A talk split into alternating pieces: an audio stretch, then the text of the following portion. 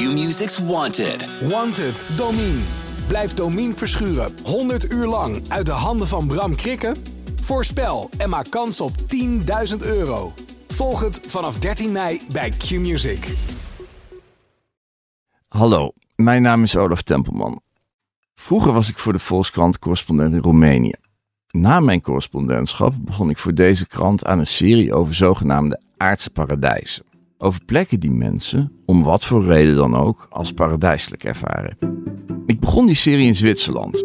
Ik maakte voor die serie later ook een paar langere reizen. Ik bezocht bijvoorbeeld het boeddhistische koninkrijk Bhutan in de Himalaya. Daar streven ze niet naar een hoog bruto nationaal product, maar juist naar een bruto nationaal geluk. Maar op een gegeven moment bedacht ik me dat ik uitgerekend het land dat ik het beste ken in de serie was vergeten. Ik heb bij elkaar meer dan tien jaar in Roemenië gewoond. Als correspondent woonde ik in Boekarest, maar altijd als ik tijd had nam ik de trein naar Transylvanië. Dat is een schitterende reis van vijf uur dwars door het Karpatengebergte. Zodra ik de besneeuwde toppen in zicht kreeg, wist ik dat Transylvanië in de buurt was. In de tijd dat ik correspondent was, had je al wat buitenlanders die helemaal weg waren van Transylvanië. Maar veel waren het er niet. Ik kende de Vlaamse hoogleraar Eugène van Itterbeek, die ook trouwens prachtige gedichten schreef en die in een prachtig oud-Saxisch dorp een nieuw leven was begonnen. De Roemenen in zijn buurt vonden hem wel een beetje vreemd. Ze noemden hem wel eens de gekke professor. Er woonden in die tijd zo weinig West-Europeanen in Roemenië dat er altijd werd gedacht dat er bij die mensen een steekje los zat. Ik kreeg in die tijd ook vaak vragen van wat doet u eigenlijk in Roemenië? Zo zeldzaam waren buitenlanders toen. Die tijd is helemaal voorbij. Transylvanië is bij een veel groter publiek geliefd geraakt dan toen. Een belangrijke rol daarin speelde de toenmalige Britse kroonprins Charles, die, na de dood van Diana, in Roemenië in een soort warm bad stapte. Het was Charles die zei: De tradities die in Transylvanië bewaard zijn gebleven, die moeten een model worden voor de toekomst. Dankzij de stichting die hij in Roemenië begon, werd Transylvanië ontdekt door duurzaamheidsactivisten. Die noemen het gebied, heel mooi lang woord, een biodiversiteitshotspot. Over Charles en andere mensen die in Transylvanië een paradijs herkenden, gaat het verhaal dat u zo meteen gaat beluisteren. Het duurzame paradijs van de Groene Koning. Voorgelezen door Jip van den Dol. Zijn eerste glimp van het aardse paradijs ving koning Charles op dankzij Caroline Vernolent. Dat is nu een kwart eeuw geleden. De toenmalige Brits kroonprins bezocht dat jaar voor het eerst Roemenië. Tijdens een vrij moment in zijn programma stapte Vernolent zomaar op hem af, met in haar hand een foto van een magnifiek oud dorp in een magnifiek oud landschap.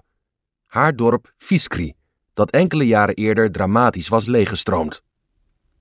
Vernolent, die 60 jaar is, kan nog altijd geëmotioneerd raken als ze erover vertelt. Hij bleef maar naar die foto kijken. Hij zei: Ik kom naar jouw dorp. En toen kwam hij echt. En hij bleef maar terugkomen. De eerste keer dat hij in Fiskri overnachtte, zijn we s'avonds met het dorpskoor bij zijn raam gaan zingen. En toen kwam hij in zijn pyjama naar buiten met de fles pruimenjenever die hij van ons had gekregen en met glaasjes voor ons allemaal. Hij zei: Dit is voor mij een teken dat ik in deze prachtige gemeenschap ben opgenomen. Op weg naar het prachtige dorp van de foto wordt mijn auto ingesloten door zelfstandig flanerende runderen. In het tempo van de kudde vervolg ik een eenzame rit over snel verslechterend asfalt in een spectaculair openbrekend heuvellandschap in vele tinten lichtgroen. Na acht stille kilometers is daar ineens de politie. Ik mag gaan parkeren in een door onkruid overwoekerd weiland. Daar staan al een stuk of veertig auto's. Noem het naïviteit. Ik dacht dat ik een geheime tip had gekregen dat de man die tegenwoordig koning Charles III van Groot-Brittannië heet, vandaag zijn aardse paradijs aandoet. Als er geen menigte achter hekken had gestaan, had ik het Charleshuis in Fiskri in Transylvanië in Roemenië er niet uitgepikt. Het kent diezelfde eenvoudige, doch robuuste bouw als andere Saksische huizen die hier de eeuwen hebben getrotseerd. Vlak bij de pastelblauwe poort staat een vertegenwoordiger van een Roemeens tv-kanaal dat de geheime tip ook kreeg. Charles III arriveert bijna onopgemerkt. Hij houdt niet van kolonnes met sirenes waar hoogwaardigheidsbekleders in dit stuk van Europa dol op zijn. In het kwartier dat de Britse koning in de menigte doorbrengt, etaleert hij een getraind oog voor de inwoners van zijn dorp. Die worden allemaal omhelst als oude vrienden. Bij helder weer zie je achter de heuvels van Transylvanië de besneeuwde toppen van de Karpaten. Dat deze streek zo vaak als een lust voor het oog wordt ervaren, heeft ook te maken met de afwezigheid van grote percelen landbouwgrond. Vroeger noemden ze Transylvanië een regio zonder monocultuur. Duurzaamheidsactivisten munten de term biodiversiteitshotspot. Wat soortenrijkdom betreft kent het gebied in Europa zijn gelijken niet. Tot ver in de 20e eeuw was zowel het landschap als de etnische compositie van de bevolking een middeleeuws mozaïek. Hier woonden Duitsstalige Saksen, Hongaren, Roemenen en Roma. Ze beoefenden allen de kleinschalige landbouw. Bijna niemand had hier ooit meer dan twee koeien. In het derde decennium van de 21ste eeuw wandelen de dieren nog steeds tweemaal daags langs ramen van dorpsbewoners. Ochtends omhoog de heuvels in, s'avonds terug naar huis. Architect Eugen Vaida, voorzitter van de stichting die Charles al als kroonprins in Roemenië was begonnen voor het behoud van het unieke ecosysteem, oude ambachten en architectuur, vat het als volgt samen. Veel wat hier in de vorige eeuw per ongeluk bewaard is gebleven, is nu een model voor de toekomst. Charles was niet de eerste die dat zag, wel de eerste die daarin volledig serieus werd genomen. William Blacker, die 59 jaar oud is, is zo'n Engelsman voor wie je het woord excentriek gebruikt. Een afspraak vroeg op de avond wordt een afspraak tegen middernacht. Er staan dan wel in een mum van tijd spijzen en flessen op tafel op een tras in Sighishuara. Saksen noemden dit stadje Schesburg. Hongaren spraken van Segisvar. Blacker, auteur van Along the Enchanted Way: A Story of Love and Life in Romania, 2009, sleutelfiguur in het aanwakkeren van de liefde voor Roemenië in het algemeen en Transylvanië in het bijzonder, gaat driedelig gekleed en draagt een hoedje. Luttele maanden na de val van het communisme, eind 1989, ontdekte de toen 26-jarige schrijver in Roemenië een wereld die ik alleen uit fictie kende, een wereld waarvan ik niet had durven hopen dat die nog ergens bestond. De eerste jaren woonde hij in Maramuresh in noordwest-Roemenië, daarna trok hij naar het dorpje Roades, Radeln, in Transylvanië, 13 kilometer van Viskri, Weiskirch. Ik snapte destijds niet waarom ik daar de enige was. Ik dacht, waarom ziet niemand wat ik zie? Blekker leerde werken met de zeis en dienstbaar te zijn aan een landschap en aan een kleine gemeenschap. De moderne wereld, zegt hij, kent een grote leegte die is achtergelaten door het verdwijnen van de kleine gemeenschap. Het contact met het verleden, het gevoel ergens thuis te horen, de harmonie met het ecosysteem, de kunst om niet meer van de natuur te nemen dan je kunt teruggeven. In kleine gemeenschappen lijden mensen nooit aan vervreemding, stress en eenzaamheid. Ze vonden hem er wel een beetje vreemd. West-Europeanen waren in Roemenië destijds zo zeldzaam dat ze bijna automatisch de verdenking op zich laden dat er steekjes bij hen loszaten. De Leuvense dichter en letterkundige Eugène van Itterbeek werd in mijn bijzijn wel de gekke professor genoemd. Van Itterbeek ontdekte Transylvanië eveneens kort na 1989. Hij ging er niet meer weg. In het leeggestroomde dorp Cisna Dioara, Saksische naam Michielsberg, begon hij een nieuw leven in een 200 jaar oud Saksisch huis met muren zo dik als die van Burgte. In de jaren van mijn Roemeense correspondentschap voor de Volkskrant heb ik veel van deze gekke professor geleerd, en via hem. Van Itterbeek werd in Transylvanië al snel een lokale beroemdheid die iedereen kende. Hij was onder andere bevriend met de toenmalige etnisch-Saksische burgemeester van Sibiu, Hermannstad, Klaus Johannes, tegenwoordig de president van Roemenië. Van Itterbeek zei tegen mij: Ik vind hier nog verse bronnen van onze beschaving, bronnen die bij ons zijn overspoeld. Zonder die verbinding met waar je vandaan komt, ben je nergens. Je bladert in een boek waarvan je de lettertekens niet meer kunt ontcijferen.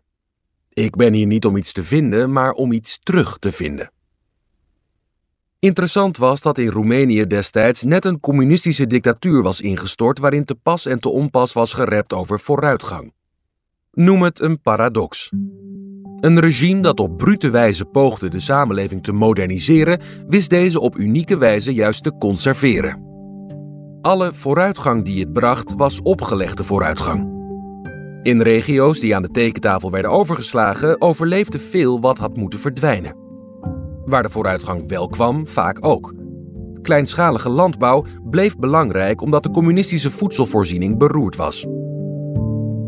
Buitenlandse auteurs die na 1989 schreven over dit Roemenië dat per ongeluk bewaard was gebleven, stuitten vaak op weerstand van leden van de oude communistische bestuursklasse, gevormd door dogma's over moderniteit. In Nederland trad in 2001 een Roemeense ambassadeur aan die een campagne begon tegen mijn correspondentschap omdat ik daarin primitief Roemenië zou etaleren in plaats van fraaie industrietreinen, hoogbouw en overdekte winkelcentra. Toen ik dat vertelde aan een Roemeense correspondent in India, vertelde die dat hij door de Indiase ambassade was berispt vanwege aandacht voor ascetische wijsgeren in plaats van India's ruimtevaartprogramma. Over de Britse kroonprins Charles wist ik destijds weinig meer dan dat zijn huwelijk met Diana geen succes was geworden vanwege zijn band met Camilla. Dat hij ook een band had met Roemenië leerde ik in het derde jaar van mijn correspondentschap. Eind 2001 lanceerde de oude bestuursklasse een adembenemend slecht plan om van Transylvanië een internationale toeristische trekpleister te maken met een pretpark in de maat XXL gewijd aan Dracula, genaamd Draculand. Roemeense milieuactivisten spraken van een ramp voor het ecosysteem. Cultuurhistorici betoogden dat zo'n park tot mislukken was gedoemd, omdat Dracula in Roemenië wordt gezien als een heldhaftige vorst die tegen de Turken streed, maar in het buitenland als een bloedzuigende vampier, ook al zoog de Ierse schrijver Bram Stoker dat volledig uit zijn duim. De initiatiefnemers van Draculand namen hun Roemeense tegenstanders geen moment serieus tot prins Charles het verzet tegen Draculand ging leiden. Er zijn mensen die zeggen dat Charles ten tijde van zijn eerste bezoek aan Roemenië in 1998 toe was aan het vinden van geluk in een aards paradijs. In eigen land kon zijn leven in die tijd lijken op een aardse hel. Het was vlak na het verongelukken van ex-echtgenote Diana, de People's Princess, op 31 augustus 1997. Tranen om haar gingen bij flink wat Britten gepaard met woede op hem. Zijn populariteit kelderde naar een historisch dieptepunt. Dat deze man de heuvels van Transylvanië als paradijselijk ervoer, omdat hij er ver weg was van tabloids, paparazzi en menigte die huilden om Diana, laat zich begrijpen. Maar een les uit deze verhalenserie is dat aardse paradijzen zelden zomaar worden gevonden. Een paradijs moet een ontdekker passen als een maatkostuum. Uit profielen van de Britse koning doemt een man op die zowel nostalgisch als vooruitstrevend is. Een melancholicus, maar ook een vernieuwer adept van traditionele kleine gemeenschappen en van middeleeuwse architectuur, adept van vergroening en van multiculturalisme.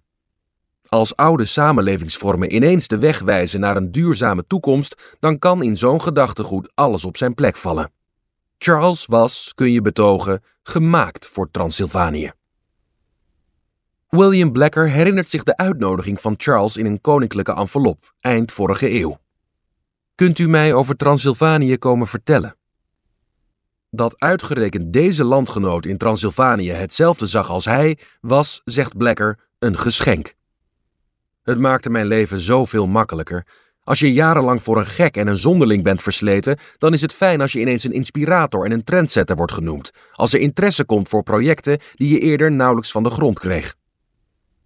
Waar het communisme in Roemenië oude samenlevingsvormen per ongeluk had geconserveerd, veranderden dorpsgemeenschappen in het eerste decennium na 1989 dramatisch. Dorpsjongeren trokken als gastarbeiders naar Italië en bouwden bij terugkomst glansvilla's in de maat XL. Die snapte weinig van een Brit die ijverde voor het behoud van traditionele architectuur en ageerde tegen grote elektrische grasmaaiers die tegelijk met het geld uit Italië hun intrede deden. Een Brit die zei: een zeis is beter voor het ecosysteem. In eigen land oogste Blekker evenmin veel begrip. Daar werd hij gezien als een upper middle class romanticus die zandwegen verheerlijkt. Nostalgie de la boue, heimwee naar de modder bij welgestelde mensen, is de Franse term voor de aandoening. Blekker herinnert zich boekrecensies met zinnen als: Deze auteur romantiseert het leven van boeren die eeuwenlang een ellendig primitief bestaan leiden. Op het terras in Sigishwara zegt hij: Ik vind dat minachting voor het verleden. Het is het degraderen van premoderne mensen tot pechvogels, alsof we op onze reis door de tijd nooit iets kostbaars kunnen kwijtraken. Along the Enchanted Way werd een bestseller toen Charles het bij zijn zes favoriete boeken aller tijden zette. Hij heeft nog een handgeschreven recensie naar mijn Britse postadres gestuurd, maar die is daar helaas nooit aangekomen. De Britse koning is tegenwoordig ook de onofficiële peetvader van de zoon die Blacker heeft met een Roma-vrouw uit Ruadesh.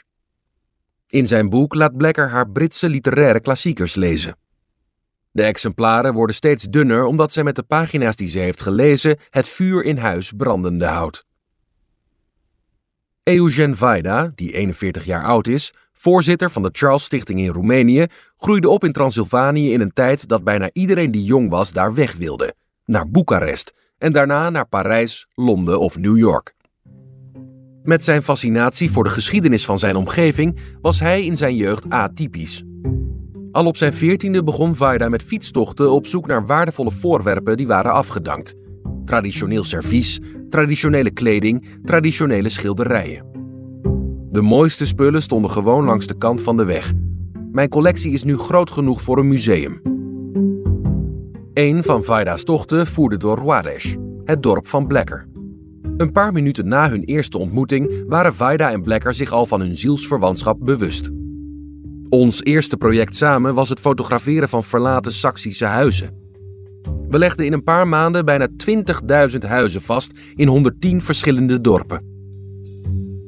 Dat er zoveel huizen leeg stonden en zoveel waardevolle spullen langs de kant van de weg waren beland, had alles te maken met het eerste jaar na de val van het communisme, 1990, toen in luttele maanden bijna een eind kwam aan ruim 800 jaar Saksische aanwezigheid in deze regio.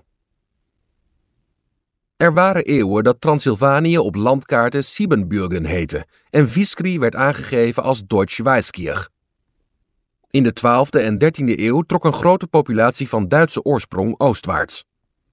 Nog in 1923 had Roemenië bijna een miljoen etnische Duitsers binnen de grenzen. Ten tijde van de instorting van het communisme in 1989 waren er nog 100.000 over. Meteen na 1989 zei de toenmalige Duitse buitenlandminister Genscher: Wie naar de Bondsrepubliek wil, moet nu komen. Een exodus volgde. Meubels belanden bij het grof vuil, evenals serviezen, schilderijen en bergen kleding. Viskri, het dorp van Charles, had begin 1990 nog meer dan 200 Duitsstalige inwoners. Eind 1990 waren alleen de familie Vernolent en een handjevol bejaarden over. Nederlander Steven van Groningen, inwoner van Viskri, opent de deur van de stal bij zijn huis in het hoogste stuk van het dorp. Daar staan nog een arreslee en een ploeg die de Saksische bewoners bij hun vertrek 33 jaar geleden hebben achtergelaten. Daarna betreden we een huis waarvan zowel het formaat als de dikte van de muren de term burcht rechtvaardigt. Ook op de heetste dagen van het jaar blijft het hier koel, ook in tijden van klimaatverandering. Viskri is een dorp zonder airconditioners. In Nederland kennen mensen Steven van Groningen soms nog als de Olympisch roeier die hij was in de jaren 80 van de vorige eeuw. In Roemenië was hij jarenlang het gezicht van de Raiffeisenbank. In Viskri is hij een van de nieuwe inwoners die overweg kunnen met de zeis en die hechten aan architectonische tradities. Een groot deel van zijn huis restaureerde hij zelf in de oorspronkelijke stijl. Als er iets is wat ik hier heb geleerd, zegt Van Groningen, dan is het wel hoe goed de leden van de oorspronkelijke gemeenschap overal over nadachten. Alles is logisch, van de dikte van de muren tot het luik in de stal en de ingang van het huis. Die is niet laag omdat mensen vroeger klein waren, maar om te voorkomen dat paarden het huis binnenliepen. Dit huis was half ingestort toen hij het kocht, maar, zegt Van Groningen, het had vanaf het begin af aan iets heel vertrouwds. Als je uit protestants cultuurgebied komt, dan herken je meteen veel. Kijk naar al de spreuken die de huizen hier sieren, die ken ik uit de wereld van mijn grootouders. Op de gevels van gerestaureerde huizen in Viskri zijn veel van die spreuken weer zichtbaar. Lasset uns am Alten, so es gut ist halten. Tussen oude spullen uit Nederland vond Van Groningen voorwerpen terug die prima bij het oorspronkelijke interieur pasten. Neem een tinnen bord met het tijdloze inzicht: Trink und is, Gott nie vergiss. De oud-roeier kwam naar Viskri voor deze sfeer, maar ook omdat de kans me klein leek dat iemand er een casino zou beginnen. De laatste jaren merkte hij dat een dorp dat nog goed deels verlaten was toen hij het ontdekte, door toedoen van een zeer bekende Brit status heeft gekregen. Dan is het risico dat iedereen daarop gaat spelen, dat een dorp zijn authenticiteit gaat faken. Belangrijk is het evenwicht, niet te veel pensionnetjes. Huis nummer 32 aan Viskries onverharde hoofdstraat begon een nieuw leven als restaurant en ontmoetingsplek voor nieuwe inwoners. In de fraaie lange tuin wijst Caroline Vernolent, de vrouw die in 1998 met een foto van Viskri op de kroonprins van Groot-Brittannië afstapte, nieuwe bewoners aan. Daar heb je Cathy uit Engeland, die kan prachtig zingen. Daar heb je Stefan, die was advocaat in Frankfurt. Daar heb je Sorina, die studeerde filosofie, maar die maakt nu in Viskri borden en sieraden. Het gelukkigst was Caroline Vernolent toen haar eigen dochter Ursula besloot naar Viskri terug te keren. Jarenlang woonde ze in Berlijn. Ursula's Roemeense man Christian woonde in Parijs. Die is nu ook een nieuw leven begonnen in Viskri. Ze wonen hogerop in het dorp, in het huis van Caroline's vader, naast het huis van Steven van Groningen. De baby, die tijdens het interview bij Caroline Vernolent op schoot zit, is haar tweede kleinzoon. Dat had ik in 1990 niet durven dromen, dat hier weer kinderen zouden rondlopen. Dat jaar, 1990, was zwaar. Caroline Vernolent was destijds een jonge leerkracht. Wij wilden hier niet weg en wij wilden zeker niet weggaan om de reden dat iedereen wegging. Maar die aanblik van al die huizen die ineens leeg kwamen te staan was beangstigend. Toch had ik toen al het gevoel: iemand moet blijven. Iemand moet deze gemeenschap voortzetten. Het opbouwen van een nieuwe gemeenschap uit mensen met heel verschillende achtergronden is, zegt Vernolent, een helskarwei, maar ook het mooiste wat er is. Wat we van nieuwe inwoners verwachten is liefde voor Viskri en voor de manier waarop we hier eeuwen hebben geleefd. Oude en nieuwe inwoners van Viskri ontmoeten elkaar op initiatief van Vernolent in een informeel parlement. Exclusief aan iemand die niet in het Roemeens publiceert, wil Vernolent graag vertellen hoe dat informele parlement zorg draagt voor de gemeenschap. Door soms creatief met de wetten van de vrije markt om te gaan. Dat deden ze bijvoorbeeld toen de directeur van een Roemeense oliemaatschappij in een grote zwarte jeep een bod deed op een leegstaand Saxisch burgtje, omdat het zijn vrouw zo leuk leek ook een huis te hebben in dat dorp van Charles. Vernolent. Dan weet je, foute boel.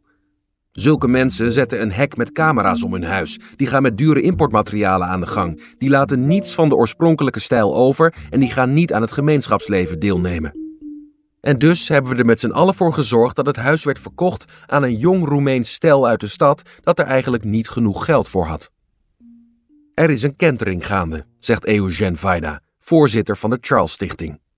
Je hebt nu tientallen dorpen die nieuwe bewoners hebben gekregen, uit West-Europa en uit Roemeense steden. Maar er is nog een lange weg te gaan voor we hier gemeenschappen terug hebben die zelf voor het erfgoed kunnen zorgen. Een van de belangrijkste activiteiten van de Charles Stichting is de eerste hulp voor huizen en kerken die met instorten worden bedreigd: de monumentenambulance. De vraag overstijgt vooralsnog de capaciteit. We worden zeven dagen per week 24 uur per dag gebeld, zegt Vaida. Maar het blijft architectonische noodhulp die we verstrekken. Als een gemeenschap het daarna niet oppakt, gaat het verval door. Terwijl Vaida mijn vragen beantwoordt, geeft hij ook instructies aan vrijwilligers op een steiger bij een 17e-eeuwse Oosters-orthodoxe kerk waarvan het dak het heeft begeven. Maar liefst 50 Roemeense studenten werken als vrijwilligers voor de monumentenambulance. De grote verandering van de laatste jaren, zegt Vaida, is een nieuwe Roemeense generatie voor wie het eigen culturele erfgoed niet alleen waardevol is, maar ook hip. Behalve koning Charles speelt nog een andere Britse Charles daarin een rol. TV-presentator en documentairemaker Charlie Otley. Na het lezen van Blackers boek besloot hij zelf naar Roemenië te verhuizen. Daar maakte hij succesvolle tv-series als Flavors of Romania en Wild Carpathia, met speciale aanbevelingen van de Britse koning. Vaida, behalve West-Europeanen zagen veel jonge stads-Roemenen in die series voor het eerst de schoonheid van hun eigen land. In de tentoonstellingsruimte van het pastelblauwe Charleshuis in Viskri zien we hoeveel de Charles Stichting tegenwoordig doet. Van eerste hulp voor monumenten tot het aanleggen van ecologisch verantwoorde afwateringssystemen en zomerscholen voor jongeren die zich willen bekwamen in ambachten als hout bewerken, tegel zetten, potten bakken, traditioneel metselen en kleren maken. Daar zien we ook een blues tentoongesteld van de hand van Manuela Mouchde, die 48 jaar oud is. In haar dagelijks leven is zij hotelreceptionist. Tien jaar geleden pakte ze de traditionele borduurkunst op. Tot haar grote verrassing stapte op haar eerste zomerschool een zeer bekende Brit op haar af die haar met vragen overspoelde. Wat Charles fascineert is de relatie tussen traditionele ambachten en duurzaamheid. Het soort blouses dat wij maken droegen onze groot- en overgrootouders een heel leven lang. Er bestonden geen winkels met confectie uit Bangladesh. Manuela Mouchde is Charles sindsdien blijven zien. Als hij naar Viskri komt, wil hij altijd de mensen van de zomerscholen ontmoeten. We horen altijd pas heel kort van tevoren dat hij komt. Ik pak dan om zes uur ochtends de bus. Mijn werkgever weet dan niet waar ik naartoe ga. Zelfs mijn familie mag het niet weten. Bij de ingang van de tuin van het Charles-huis staan borden met stambomen. Daaruit leren bezoekers dat de Britse koning voor hij naar Roemenië kwam al Roemenië in zijn bloed had. Zijn vader, prins Philip, zoon van Andreas van Griekenland, was een neef van de door communisten afgezette Roemeense koning Mihai, zoon van Helena van Griekenland. En Mihai's grootmoeder, Maria van Roemenië, heette eerder Mary van Edinburgh en was de oudtante van Charles' moeder Elizabeth II. In deze kringen was veel inteelt.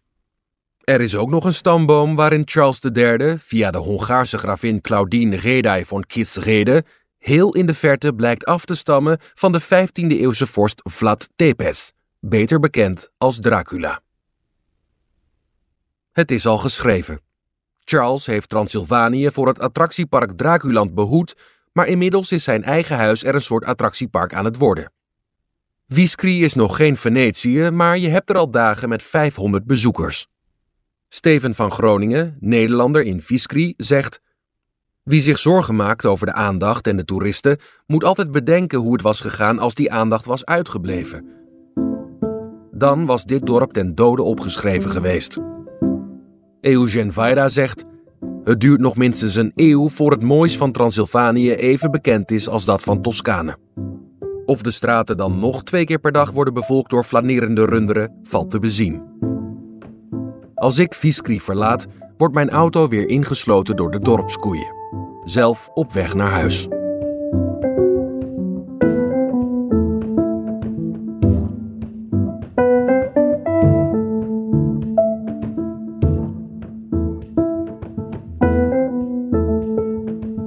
Dit was een voorgelezen verhaal van de Volkskrant. Eerder gepubliceerd op 2 november en afkomstig uit de serie Aardse Paradijzen.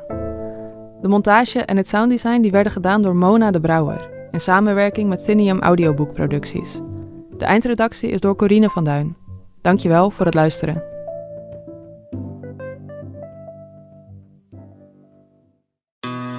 Q-Music's Wanted. Wanted, Domine. Blijf Domine verschuren 100 uur lang uit de handen van Bram Krikken? Voorspel en maak kans op 10.000 euro. Volg het vanaf 13 mei bij Q-Music.